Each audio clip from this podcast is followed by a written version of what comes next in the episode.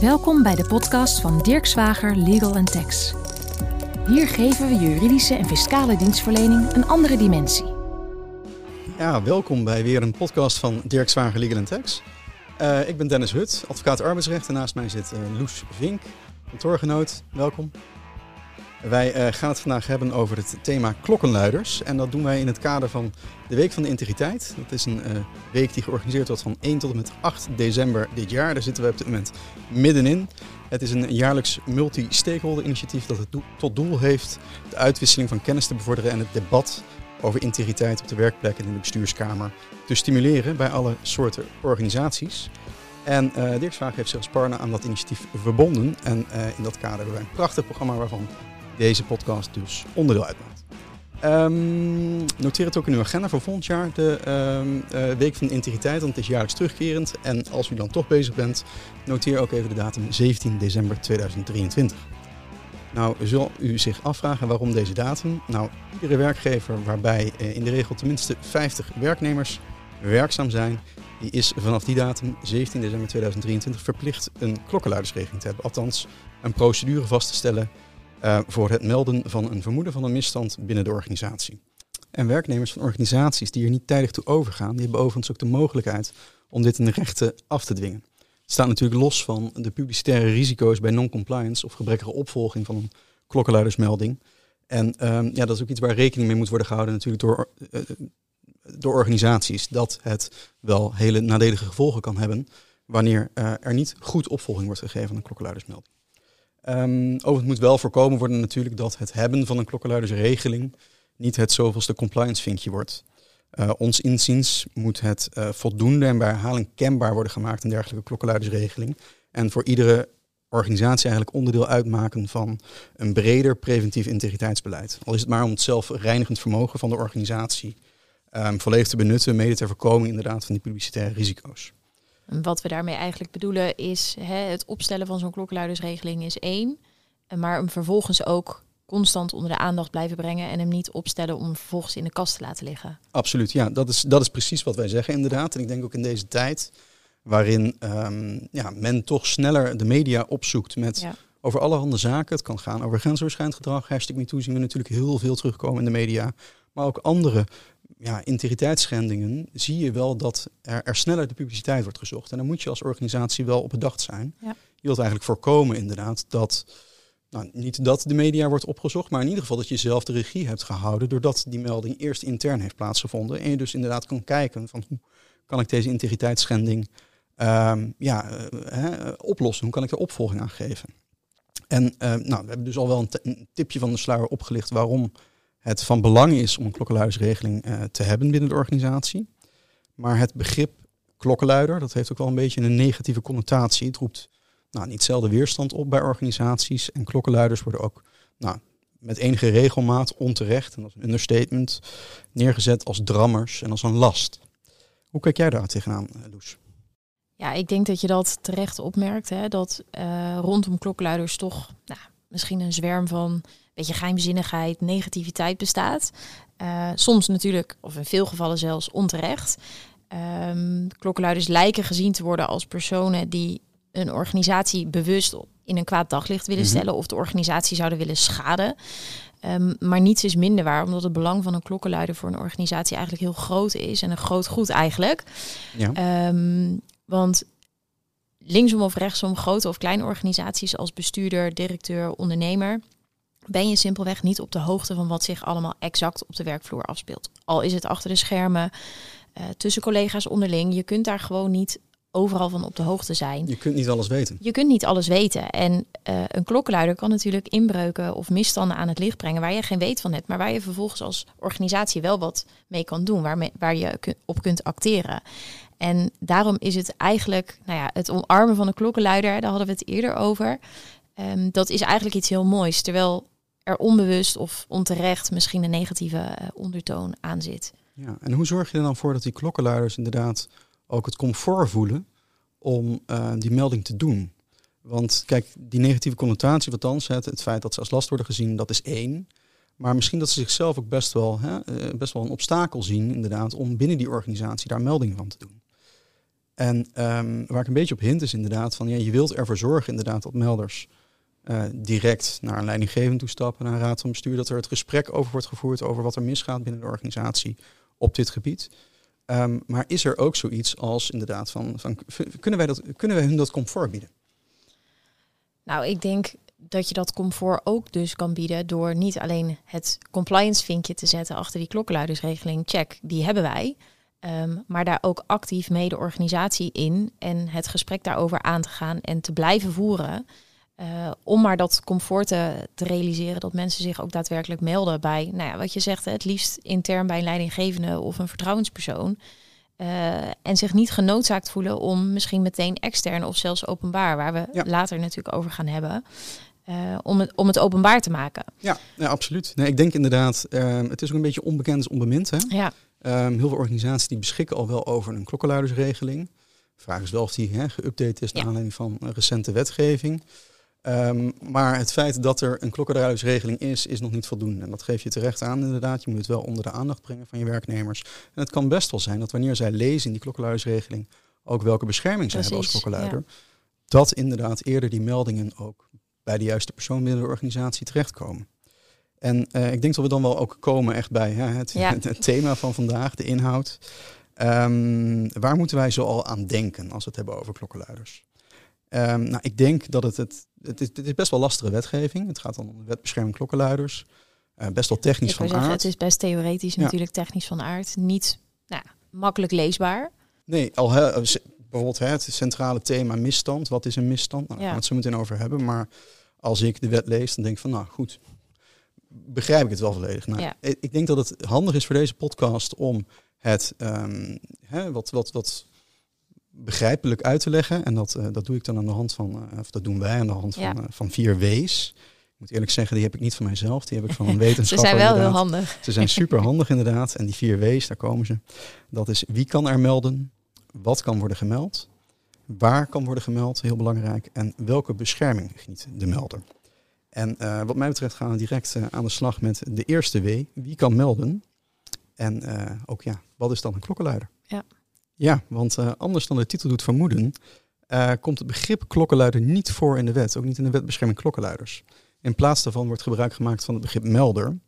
En dat begrip wordt als het ware gedefinieerd als een natuurlijk persoon die in de context van zijn werkgerelateerde activiteiten een vermoeden van een misstand meldt of openbaar maakt.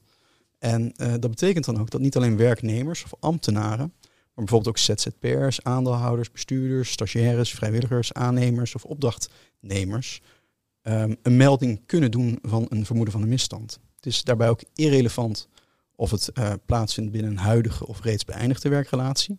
Zelfs in de precontractuele fase, dus bijvoorbeeld hè, bij een, een sollicitant, kan deze persoon kwalificeren als een klokkenluider. Dus eigenlijk is dat best een breed begrip. Ja, absoluut. Ja, het is best een brede breed... kring van personen die daaronder valt. Ik denk wel dat we daar een onderscheid moeten maken tussen. We gaan, we gaan het straks hebben over de klokkenluidersregeling die een organisatie moet hebben. Ja. Die stellen ze open voor werknemers. Mm -hmm. Ze hebben de keuze om die ook open te stellen voor nou, een, ja, een, bredere groep uh, personen. Uh, maar dat hoeft niet. Maar het is niet zo inderdaad dat deze personen die wellicht niet vallen onder de klokkenluidersregeling van de organisatie, niet alsnog inderdaad met de wet bescherming klokkenluiders in het achterhoofd ja. als klokkenluider kunnen kwalificeren.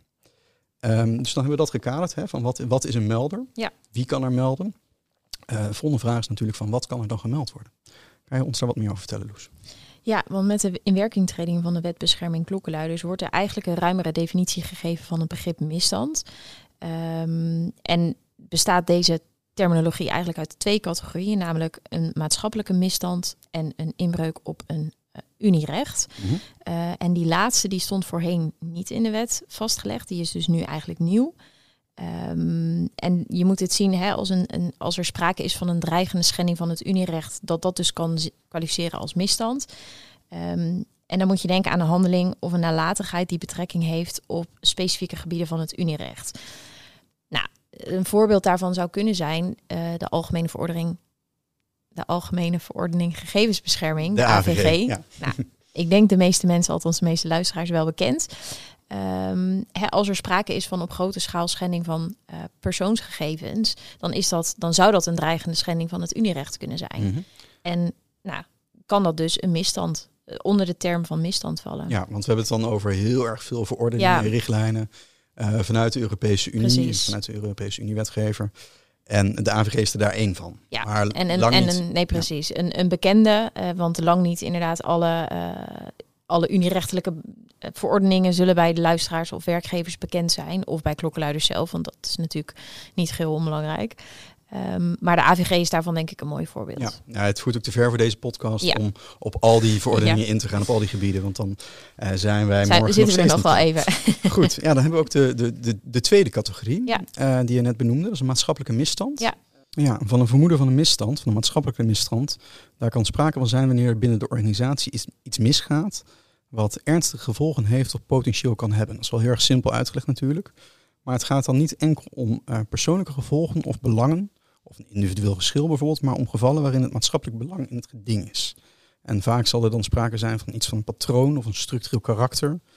Maar maatschappelijke misstand kan bijvoorbeeld ook aan de orde zijn wanneer het gaat om een eenmalige handeling of nalatigheid van de organisatie of personen binnen de organisatie die dusdanig ernstig en omvangrijk mhm. is dat daarmee het maatschappelijk belang in het geding is.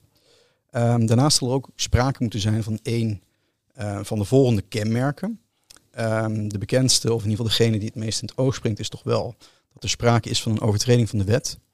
Of op grond van een wettelijk voorschrift opgestelde interne regels. En interne regels, dat moet je best wel breed, breed opvatten. Het gaat bijvoorbeeld ook om een gedragscode die is afgevaardigd hè, op grond van instructierecht van de mhm. werkgever. Instructierecht is, is, een wettelijk voorschrift, dus ook dat kan inderdaad wel al een, uh, een, een, overtreding zijn, of althans het kan een maatschappelijke misstand opleveren.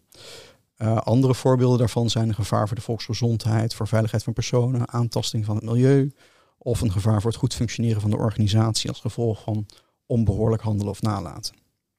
Ja, en ten aanzien van dat laatste punt, hè, ik kan me best voorstellen dat uh, een aantal organisaties nu deze podcast luisteren en die denken, ja, dat goed functioneren. Um, wat nou als ik een medewerker heb die interne melding heeft gemaakt van een misstand, daarbij ook verwijst naar de klokkenluidersregeling die zij hebben opgesteld.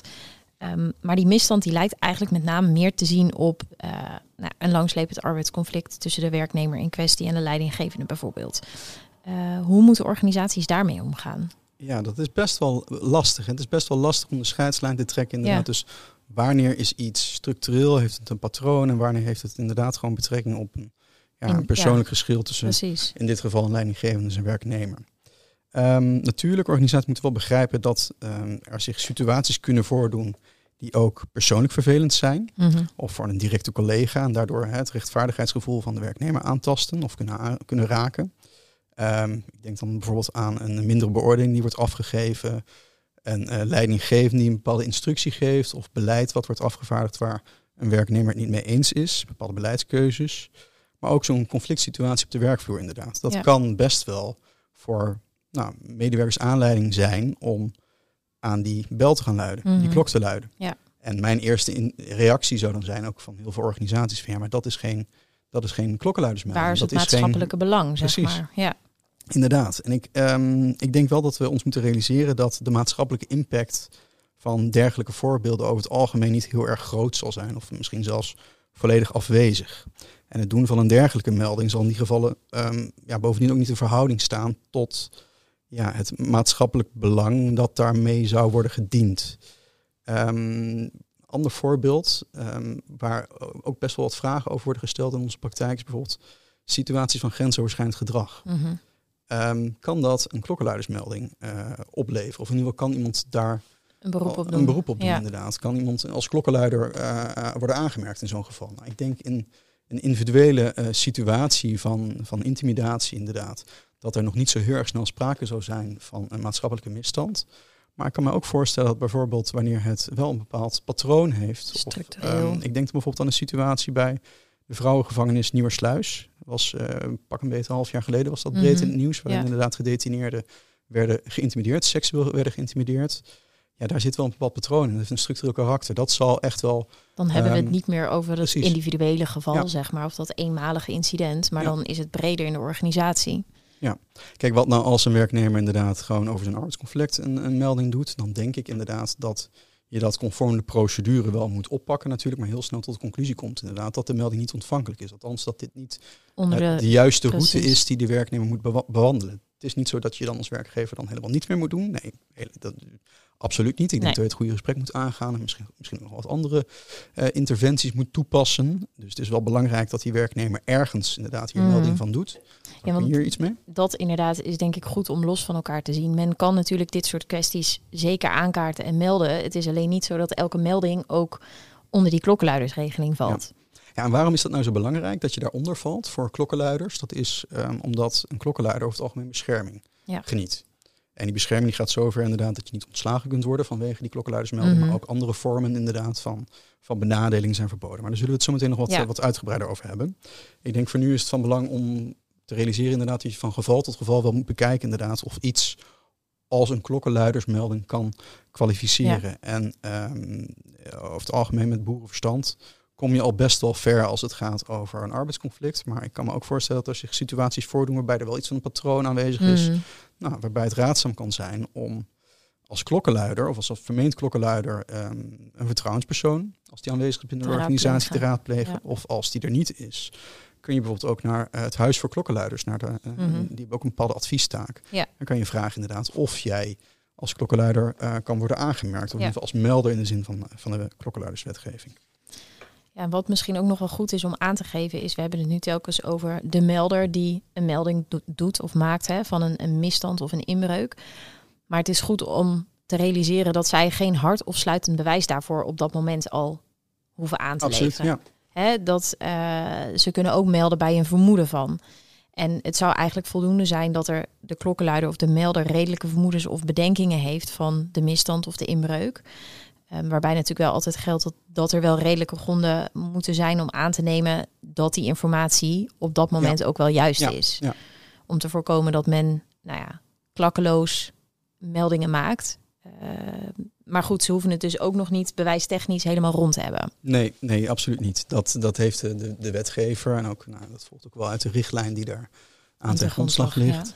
Um, dat, dat sluitende bewijs, dat hoeft niet aanwezig te zijn. Je moet op redelijke gronden inderdaad die melding doen. En dan, dan moet je een vermoeden hebben.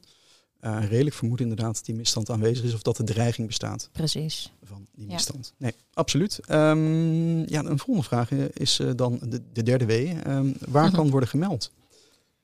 Ja, dat, er zijn eigenlijk meerdere uh, wegen die, die naar Rome leiden, om het maar zo te zeggen. Er kan interne melding worden gedaan, maar ook extern.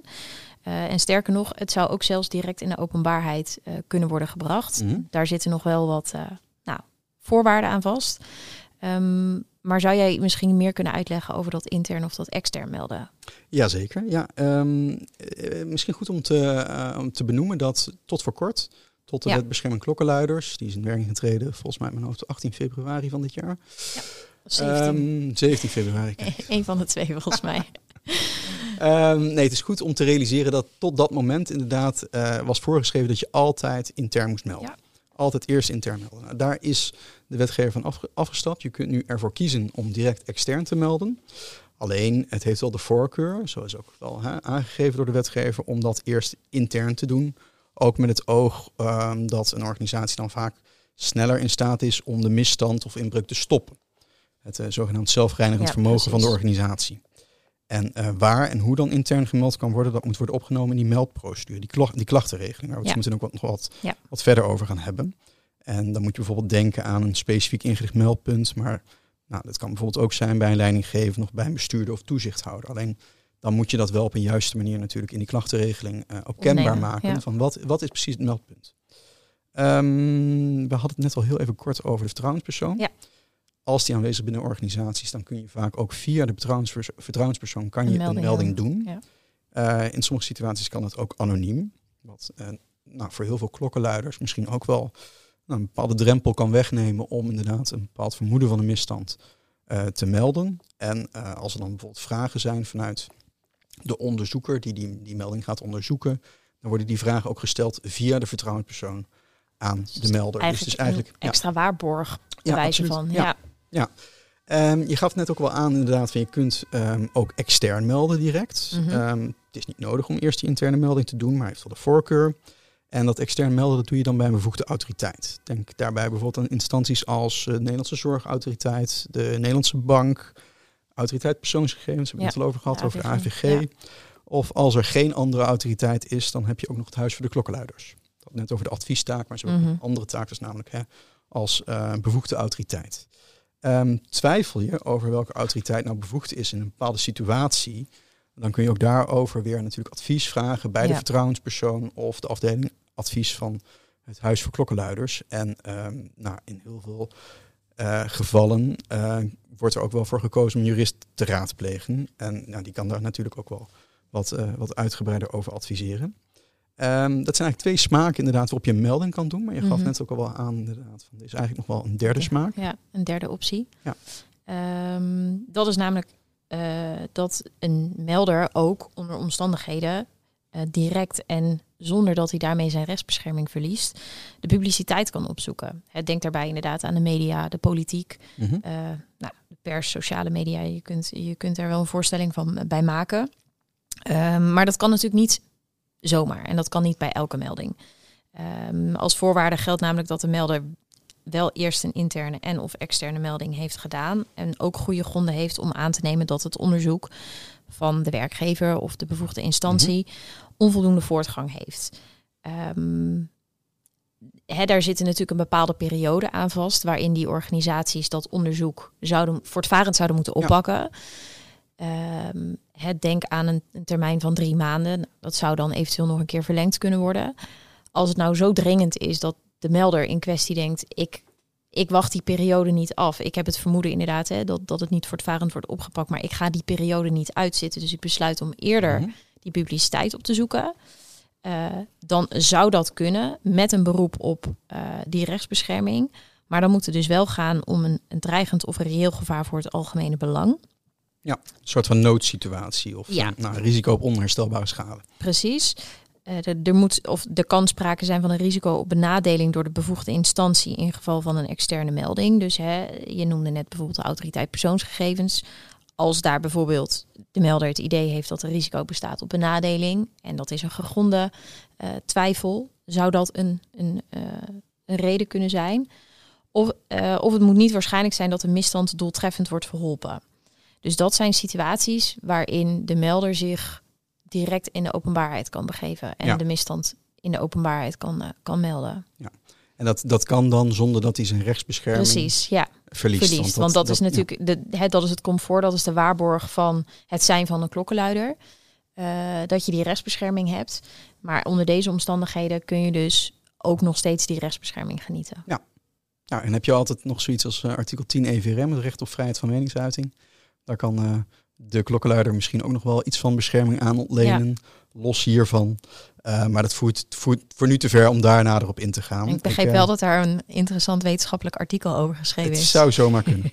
Ehm, even kijken, want ehm, ik denk wel het belangrijkste ehm, van de wet bescherming klokkenluiders, dat is toch wel het benadelingsverbod. En hij Ja. heeft inderdaad over die rechtsbescherming waar we het zojuist over hadden. Er is al een paar keer inderdaad ter sprake gekomen. Even terug, we hebben het over de vierde W. Ja. Welke, welke bescherming, tegen welke bescherming kan er een melding worden gedaan? Ehm, nou, zonder adequate bescherming tegen benadeling voelt het natuurlijk niet vrij voor klokkenluiders om zich uit te spreken. En ehm, wat de, de, de wetgever betreft, en ook de Europese wetgever, moet dat worden voorkomen. En dat is volledig te begrijpen. Ja. Eh, die bescherming die houdt in dat iedere melder eigenlijk, die te, te goede trouw een melding doet, te, te goede trouw handelt, op geen enkele wijze eh, wegens die melding van een vermoeden van een misstand mag worden benadeeld.